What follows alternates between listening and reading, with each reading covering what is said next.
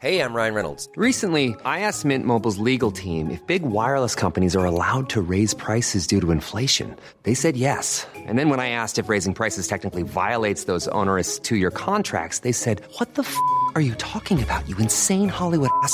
F- So to recap, we're cutting the price of Mint Unlimited from $30 a month to just $15 a month. Give it a try at mintmobile.com slash switch. $45 upfront for three months plus taxes and fees. Promo rate for new customers for limited time. Unlimited more than 40 gigabytes per month. Slows. Full terms at mintmobile.com.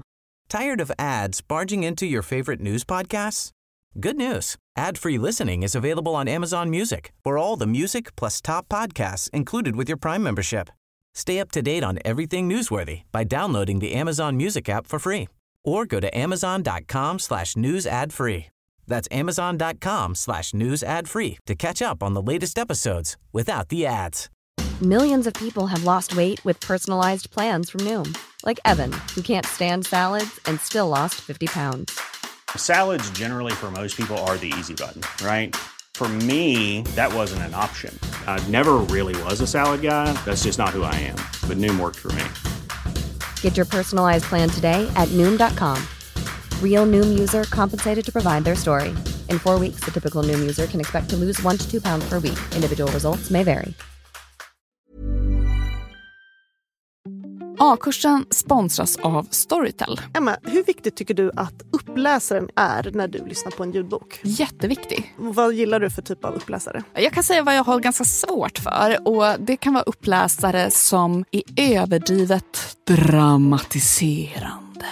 Det blir för läskigt för dig kanske? Mm, det är säkert det som är problemet. Har du till och med slutat lyssna på en bok för att du inte gillat uppläsaren även fast själva boken var bra? Ja, det har jag verkligen gjort. Och det är du inte ensam om. Hela 89 procent av Storytels lyssnare har faktiskt gjort det någon gång. Avslutat en bok för att rösten inte passar just dem. Men nu behöver man inte göra det.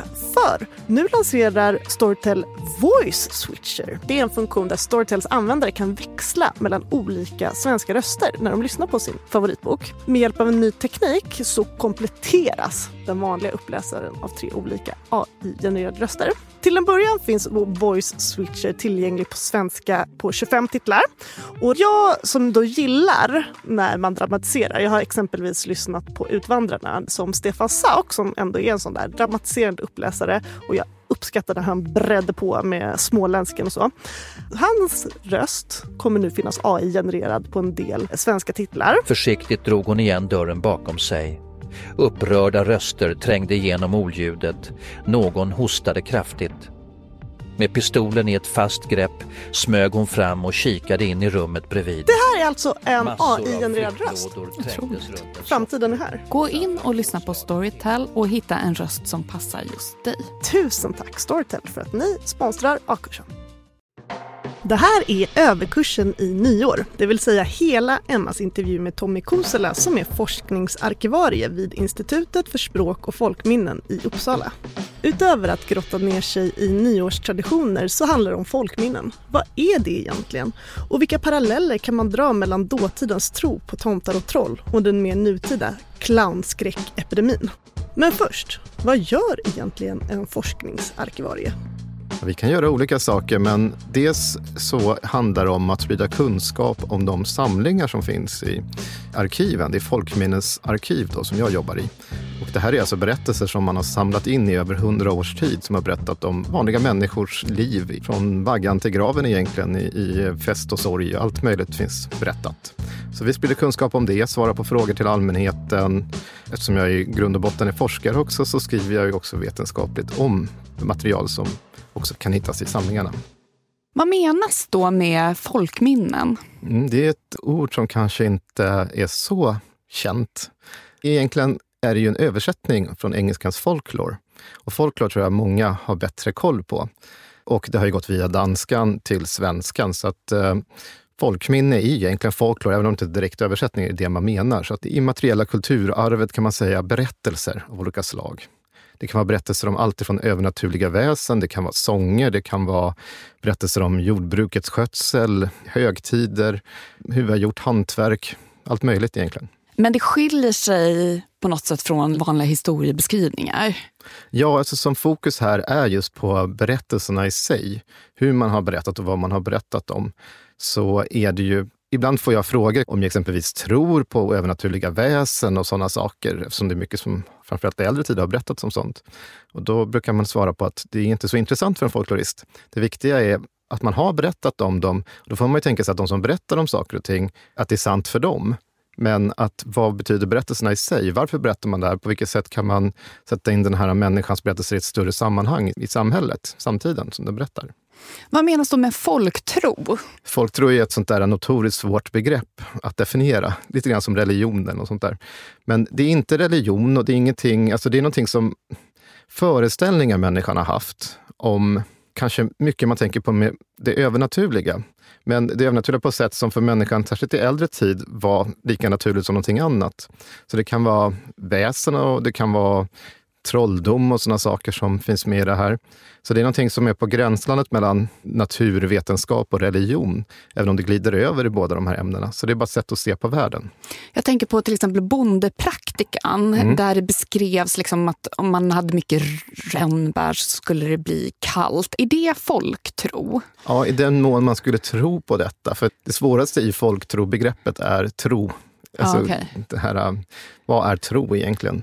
För mycket av det så kan det handla om att man i viss mån, kanske en viss form av halvtro. Vi har ju kvar det här idag med sånt som kanske vi kallar skrock och sånt där. Man ska inte gå på A-brunnar och man ska inte lägga nycklar på bordet och sådana saker och mycket annat.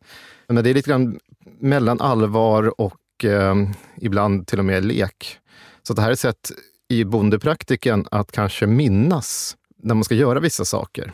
Så vissa saker stämmer överens om man tar i kalendern kanske finns ett namn som heter Anna och då kanske man säger att det är Anna med kanna för att på den här dagen ska man börja brygga öl. Och sen så kommer fram till Tomasdagen, 21 december, så är det Thomas fylletunna. Och det låter ju kanske väldigt roligt, men det är ett sätt att komma ihåg att man hade marknader. Man avbröt egentligen fastan då och då skulle man också smaka julölet. Därav Thomas fylletunna. Så lite självhjälp nästan? Lite grann så, ja. Hur forskar man då på folkminnen? Oj, det kan man göra på många olika sätt. Man kan vara intresserad av folkdiktningen i sig, olika genrer, hur man har berättat om olika saker på olika sätt. Man kan också titta på kulturhistoriskt perspektiv på exempelvis hur man har sett på djur, folkmedicin, lite allt möjligt. Så det handlar om olika sätt att få en förståelse för människans världsbild i olika tider. Och det här handlar också i stor del om den vanliga enkla människan, så att säga. Det var det man var intresserad av när man startade de här arkiven. Att man inte kanske var primärt intresserad av, som tidigare, av kungarnas och aristokratins historia, utan vad tyckte vanligt folk? Vad tyckte bönder, fiskare och så vidare om saker och ting? Utgår man ofta då från eh, skrifter? Från början så är det ju, det är ju muntliga berättelser. Det är så man har traderat det här. Och eh, arkivet har ju skickat ut då dels representanter från arkiven men också mycket studenter som fick samla in berättelser. Och så hade man mycket så kallade ortsmeddelare eller insamlare. Och de reste runt och pratade med folk och skrev ner. Och sen när man i början på 1900-talet började kunna spela in, med, först med vaxrullar och senare kom rullband och så vidare, det blev bättre och bättre, så kunde man på så sätt fånga dialekter och berättelser. För man berättar ju på ett muntligt berättande skiljer sig väldigt, väldigt mycket från skrift om man berättar en historia så är det ju mycket avbrott och man kanske pratar runt den och mycket som sker också när man är klar med berättelsen. Så är det mycket som diskuteras efteråt och sånt där syns ju aldrig i skrift. Men utgångspunkten är liksom inte att det ska vara liksom skriftliga redogörelser utan det är den muntliga traditionen som man vill fånga upp. Ja, kan man till stor del säga. Alltså, nu är ju vårt material till stor del skriftligt. Det är så vi arkiverar det. Men bara Institutet för språk och folkminnen har 25 000 timmars inspelat material. Det mesta på ganska bred dialekt. Och det är också ett sätt att bevara berättelser. Men innan man gjorde det så utvecklade man något som kallas för ett landsmålsalfabet. Och det är ett fonetiskt, en fonetisk skrift. För att kan man det här med de här tecknen så kan man höra dialekterna. Det är mycket dialekter man var ute efter. Då kan man höra hur de lät. Och så har vi också något som kallas för primäruppteckningar. Det är när man direkt kanske sätter sig ner i en stuga och pratar med en man eller kvinna och sen så för man ner då stolpar och så som man antecknar berättelsen. Och sen så broderas den ut lite grann, för det är oftast det som kommer in i arkiven. Idag så pratar vi om att en idé eller en myt kan bli viral och såna mm. här så kallade memes som sprids och vidareutvecklas. Men hur uppstår och sprids de fenomen som du studerar? Oj, om vi tar i modern tid så är det väldigt mycket som sker på internet. Det är ju där saker tar fart. någonting som kan ske i Malaysia kan helt plötsligt vara aktuellt i Sverige samma eftermiddag, om det får exempel samma dag. Liksom. Att det går ju blixtsnabbt. När jag var ny i min tjänst här alltså 2016 så var det ett sånt här äh, faktiskt viralt larm över stora delar av världen. Då var man rädd för clowner. Det var en slags clownskräck som spreds över en stor del av världen. Och det här, det var via internet mycket av det här spreds, så därför gick det så fort. Och media tog ju snabbt upp det här och barnen blev livrädda för de såg saker. Föräldrarna blev livrädda för att barnen var livrädda och sen så blev poliserna, fick de åka på massa larm och sen så tycker media att det här är jättespännande. Och 2016 skrev ju varenda tidning och varenda nyhetskanal här i Sverige också om clowner. Men det fanns ingen sarkasm, ingenting, utan det här var på fullaste allvar. Och det här försvann ju efter ganska kort tid. Och det här tyckte jag var jättespännande. Jag var ute också och diskuterade detta ur ryktesspridningsperspektiv. Man kunde jämföra med äldre tiders ryktesspridning. I Sverige hade vi liknande fenomen på 1970-talet. Då handlade det om varulvar. 1972, först i Skåne, sen i Stockholm. Och det här var ju också något som var aktuellt några veckor. Då var det barn som förmedlade de här berättelserna, var livrädda för varulvar. Föräldrarna blev rädda för barnen var rädda och polisen fick åka på larm och tidningarna skrev om det. På 70-talet var det journalisterna i alla fall gjorde det med en viss skepsis och lite ironi. Och den där saknades 2016. Så du menar på något sätt att även om vi har nya tekniker som gör att det här kan spridas blixtsnabbt så finns det ändå liksom någon sorts gemensam nämnare i hur olika typer av rykten sprids och har spridits genom historien? Alltså ja och nej. På samma, alltså det kan ju vara det är svårt för man får nästan gå från fall till fall. Men oftast är det när någonting är tillräckligt intressant för folk att berätta om så sprids det vidare. För nästan för varje som hör det här så kanske man lägger till saker, tar bort saker och förändrar. Lite grann som viskningsleken man höll på med i skolan. Att varje berättare vill på något sätt eh, framstå som en god berättare. Och saker förs vidare. tillräckligt mycket som appellerar till liksom dåtidens rädslor eller någonting annat så tar det fart väldigt snabbt. Och det ska kännas logiskt och rimligt. I äldre tider var det mycket med övernaturliga väsen. Och clowner exempelvis beskrevs ju som ett övernaturligt väsen även om man inte tänkte på det. Så det går ju väldigt, väldigt fort. Och sen är just, i det fallet så drabbade det barn och då var det ju någonting som föräldrar var särskilt måna om. Momo Challenge var ett annat fall som också var här i Sverige 2018-2019.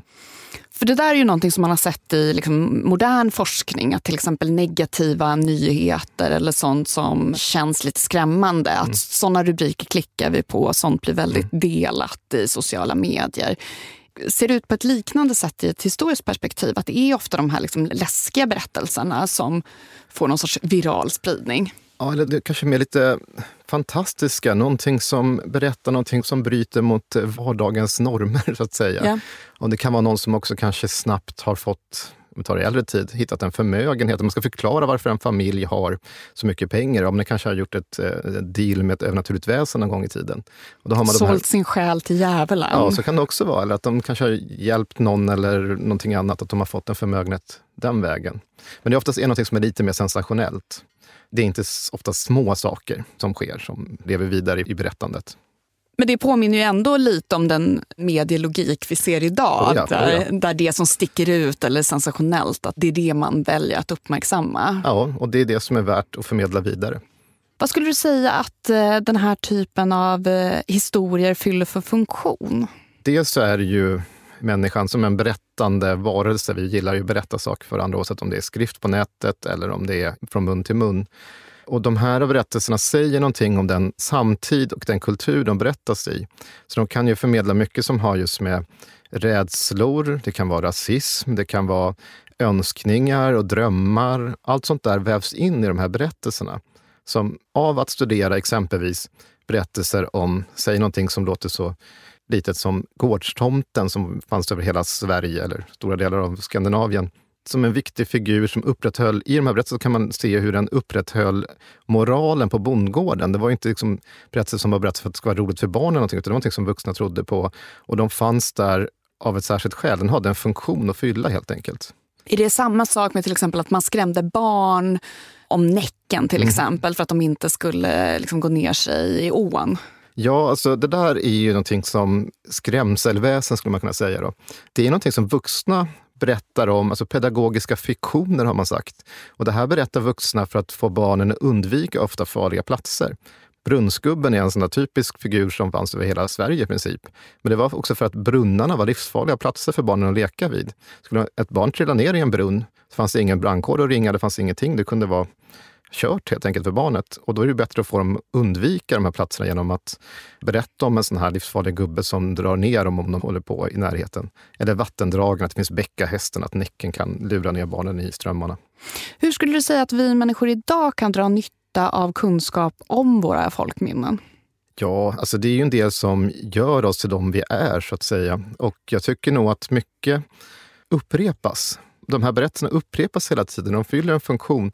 Någonting som är intressant det var just med clownerna var någonting att man kunde se de här mönstren bakåt i tid. Och jag vet när jag exempelvis var ute och pratade om det här i media så var det inte alltid jättepopulärt. För folk var inne i en slags bubbla. Det här var på riktigt. Och nu kommer någon och säger att det här bara är ryktesspridning och börjar kritisera och inte tar det på allvar. Så att genom att förstå äldre tider hur ett sånt här larm eller ett rykte kan få ganska stora proportioner och i värsta fall kan det leda till något riktigt fruktansvärt som vi hade exempelvis i samband med trolldomsprocesserna. När vi gifter ihop det med då juridik och sånt där och eh, kyrkan kommer in och man får då ett dödsstraff på någonting som bygger på folkliga föreställningar. Skulle du säga att nyår alltid har varit en viktig högtid? Ja, på något sätt att man markerar en övergång har varit viktigt. Men att man gör det vid en utsatt tid på så sätt som vi gör nu har det inte varit lika viktigt. Det var i, bara i bondesamhället på, så sent som på slutet av 1800-talet, för vi var ju ganska sent som vi övergick till den här äh, flytta in till städer och urbaniserades och industrialismen och så så var ju både jul och nyår satt ju samman så att säga. Det var ju den som var övergången till det nya året. Ryan Reynolds här från Mint Mobile. Med priset på nästan allt som går upp under inflationen, trodde vi att vi skulle bring våra priser down. So to help us, we brought in a reverse auctioneer, which is apparently a thing.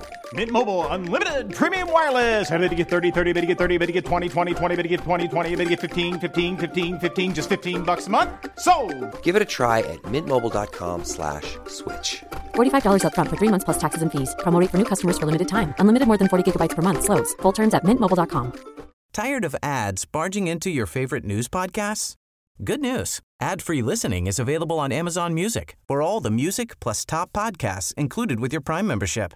Stay up to date on everything newsworthy by downloading the Amazon Music app for free or go to amazon.com slash news ad free. That's amazon.com slash news ad free to catch up on the latest episodes without the ads. Millions of people have lost weight with personalized plans from Noom. Like Evan, who can't stand salads and still lost 50 pounds. Salads, generally, for most people, are the easy button, right? For me, that wasn't an option. I never really was a salad guy. That's just not who I am. But Noom worked for me. Get your personalized plan today at Noom.com. Real Noom user compensated to provide their story.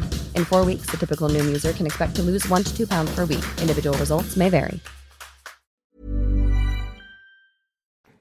Och det man firade då? Var det liksom att det var som mörkast eller att det var som kallast och att man liksom började gå mot ljusare tider? Ja, alltså du firar ju dels att du övergår till ljusare tider för att efter den mörkaste natten den 21 december, som det är numera, så börjar du gå mot ljusare tider. Men det är ju också vårt behov av att konstruera tiden kring oss, att vi har de här åren och markerar så att vi kan räkna bakåt. Så det är ju egentligen myndigheterna på sätt och vis som fastslår det här. För vanligt folk, framförallt i äldre tid, spelar väl ingen roll om det var år 1653 eller 1657. Man liksom verkade och levde där man gjorde, men det var ju kanske viktigare för myndigheter att hålla koll på saker och ting. Har fokus när det gäller nyårsfirande alltid legat på tolvslaget? Nej, det har det nog inte, utan det är natten. Det är en övergång under natten i sig som är viktig. För om man tittar på folktro och folkliga föreställningar som är förknippat med just nyår så är det nyårsnatten som man pratar om. Så det är ju den här natten man kan stöpa tenn. Det är den här natten man kan utföra vissa typer av spådomar, olika typer av ritualer. Så att det är nog natten som är övergångstiden. Varför har det varit vanligt med just spådomar kring nyår? Du nämnde det här med att spå i tenn. Jo, alltså det är en viktig övergång på året så att säga. Du har de två viktigaste övergångarna egentligen midsommar och sen så har du julen. Och i och med att det är en övergång så är det en tid från ett stadium till ett nytt. Det låter kanske lite väl teoretiskt, men så tänkte man också att det är en övergång. Och i alla övergångar så kan man få en försmak på vad komma skall. Och man pratar ibland om det första man utför exempelvis på nyårsdagen. Det ska man också prägla det kommande året. Man kan prata om det första mötet eller det första djuret man hör eller ser som kommer också påverka saker som kommer ske under året. Så man tänkte sig att det första man ser, det första som görs, det kommer på något sätt följa med resten av året. Det får mig lite att tänka på just det här med nyårslöften. Att Mm. man tänker liksom att nu går vi in i en ny fas. Så nu ska jag liksom få nya vanor. Nu är liksom en ny epok som... som Exakt, och det är faktiskt ganska bra jämförelse för att här har vi ju någonting som man, i den mån man nu gör det, men att man ger varandra ett löfte eller på nyår vid tolvslaget. Och så tänker man att det här löftet ska jag åtminstone försöka hålla fram till nästa år. Och idag handlar det väl mycket om att någon ska börja gå på gymmet mer eller man ska, ska sluta röka eller någonting annat. Och sen så tänker folk på det där ett litet tag och sen glömmer de bort det. Har du några favoriter bland nyårstraditioner som gått ur tiden? Jag har ju som forskare har jag sysslat med någonting som hette att gå årsgång. Har jag skrivit ganska mycket om. Och det här är ju i princip helt, där det är helt utdött. Det är några som har tagit upp det igen, faktiskt via min forskning som har börjat utföra årsgång igen. Och det här är ett sätt för, man skulle under nyårsnatten då, ibland är det midsommar, men det vanligaste i de här runt tusen uppteckningar jag har läst, så det är nyårsnatten och då ska man fasta. Och man ska, får inte berätta för någon att man ska göra den här årsgången. Så ska man eh, mitt i natten och nyårsnatten ska man bege sig till sockenkyrka. Då ska man gå runt den ett visst antal varv. Det här är magiskt, så det ska ju gå motsols. Och då kommer man bli känslig för det övernaturliga. Man kommer se och höra saker, tänkte man sig, som drabbar hela bygden. Så man möter övernaturliga väsen, man kan se likprocessioner, då ser man vilka som kommer dö i bygden. Man kan se in i stugorna, då sitter kanske någon med en krona, då kanske betyder att den blir gift under året, eller att den sitter huvudlös, ja då kommer den personen dö. Och man kan se på åkrarna och fälten om det blir, eller höra om det blir bra skördeår nästa år. Man kan höra kanonsalvor, det betyder att det kanske blir krig. Och sådana saker. Och så den här personen fick heller inte berätta för någon vad de hade varit med om den här natten. Så att det är en slags förklaringsmodell till när någon kan vara kanske trolldomskunnig eller någonting, eller kunna se saker och ting. Men eh, det är väl en sån här tradition som är helt borta, som jag tycker är spännande, men det är mer kanske forskningssynpunkten. Men varför ville man kunna då se in i framtiden? Var det för att man skulle få en sorts status som... Ja, liksom, en status. Ja. Mm. Som klok brukar man prata om förr, att man var klok, alltså en klok gubbe eller gumma. Och det var oftast de kanske var läkekunniga, men de kunde också trolldom. Och det här är någonting som man kan förklara varför och hur de har kommit över den här speciella kunskapen. Då. Skulle du säga att dagens nyårsfirande är traditionellt svenskt? Ja, det där är... Jag kan inte riktigt se vad i nyårsfirandet som det är idag som är typiskt svenskt faktiskt. Nej, inte jag heller. Det skulle Nej. vara det här med att man fortfarande kanske spår i tänd och att man gör såna Ja. saker. Men det är ju inte så vanligt, utan oftast är det ju liksom champagne och... Ja, champagnen hör man ju av sig självt att det är ett inlån som inte är särskilt svenskt i grund och botten. Att fira raketer är ju inte heller typiskt svenskt. Det finns ju över stora delar av världen om man gör just vid sitt nyår. Att man samlas och äter ihop är väldigt viktigt, men det gör man ju också på andra håll. Och att man tittar på Grevinnan och betjänten dock, det kanske är någonting som är typiskt svenskt. Eller att man tittar på Ivanhoe på nyårsdagen, men det är ju inte nyårsafton. Vilka länder skulle du säga att vi har inspirerats av? Det är nog flera länder. Dels har vi mycket som kommer då från kontinenten, framförallt från Tyskland. Men i nyårsfirandet så är det också engelska traditioner och senare också amerikanska traditioner. Sånt som vi konsumerar via populärkulturen. För det är någonting som påverkar oss ganska kraftigt idag. Hur länge har vi firat av fyrverkerier vid tolvslaget? Just de här större fyrverkeripjäserna är ju inte särskilt gamla, att man har sysslat med det. Däremot så har man pratat om, jag tänker att någonting som är något äldre, det är att man skjuter in nyåret. Och då kunde man skjuta kanonsalvor eller i sina gevärsbössor upp mot himlen. Och det är ju en föregångare, att man skjuter in det nya året. Där har vi massa beskrivningar i till folkminnesmaterial som finns i arkiv då, som är från 1800-talet och en del som eh, alltså berättelserna från 1800-talet, även de är insamlade på 1900-talet, för man pratade med gamla människor. Så att, eh, det är ganska välbelagt. Men eh, raketfirandet är inte särskilt eh, gammalt, för det har vi inte mycket berättelser om i äldre tid i alla fall. Smälla smällare, är det en, en liksom, för det vet man ju att man gjorde förut kanske på påsk mer och så. Eh, Är det också något som är Det förknippat? är också ganska nya, Ja, okej. nya företeelser. Det enda som påminner om detta det är just att man skjuter in det nya året med kanonsalvor eller gevär. Tror du att den traditionen är på väg bort? Det blir ju liksom allt mer regleringar kring det här med fyrverkeripjäser. Ja, jag tror faktiskt det. Nu som sagt är det svårt att sitta och killgissa, men det tycks vara mindre och mindre intresse för att eh, köpa på sig mycket fyrverkeripjäser och sånt. Det går ju också att arrangera via kommuner eller städer att man har mer organiserat raketer. Och små eh, smällar och sånt som jag också höll på med när jag var liten.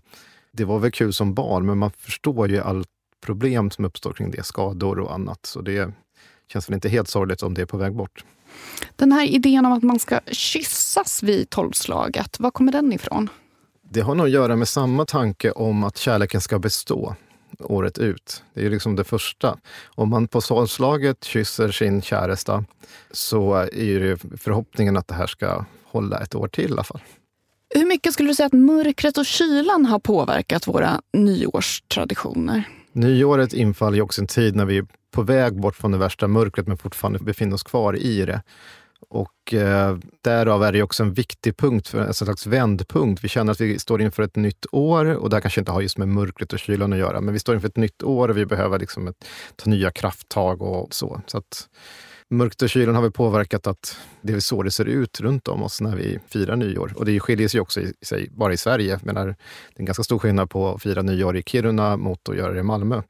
Och, och nyårslöften, det är ju väldigt populärt nu för tiden. Har det alltid varit det? Inte på samma sätt. Förutom att det är det här då som det känns som att jag säger, eh, repeterar nu, men att man det första som görs på året är någonting som ska följa med året ut och det är viktigt. Och ett nyårslöfte är ju en form av, man säger inför någon, eller egentligen ska man inte säga till någon alls, det ska ju vara hemligt. Man ska ju själv inför sig själv ha ett löfte som man ska försöka hålla. Man får inte liksom avslöja Man ska inte skriva på Instagram, det här året har jag lovat det här. Nej, man ska inte skryta om att man har köpt ett uh, gymkort på Instagram, för då brukar det inte hålla. Det är väl det som är problemet här. Då. Vilka av våra nuvarande nyårstraditioner tror du är på väg bort? Fyrverkerierna. Eller kanske inte fyrverkerierna i sig, utan smällarna. De mindre fyrverkeripjäserna. Att man som privatperson kan gå och köpa på sig ganska tunga krutpjäser, både i form av smällare och andra raketer och skjuta som man vill. Det tror jag kommer bli mer reglerat och eh, försvinna successivt. Både på grund av att det är skadegörelse, men också för djurens skull. Har du några tankar om nyårstraditioner som du tror kommer att bestå? Just att eh, vi samlas i familj på nyår, eller vänner kanske i större skala för många, och eh, tillsammans firar in det nya året. Vi såg ju hur det här faktiskt var lite grann av en inte katastrof är väl för hårt ord, men att många led under pandemin. Just, det gällde ju både jul och nyår, men att man inte kunde samlas på det sättet som man alltid i princip tänkte sig att man har gjort. Så det här är någonting som kommer vara viktigt. Jag tror det kommer fortsätta vara viktigt att vi tillsammans på något sätt firar in att, man kan, att det finns punkter där man kan samlas med andra människor och, och fira in det nya året. Och hur skulle du säga att folktro har förändrats över tid?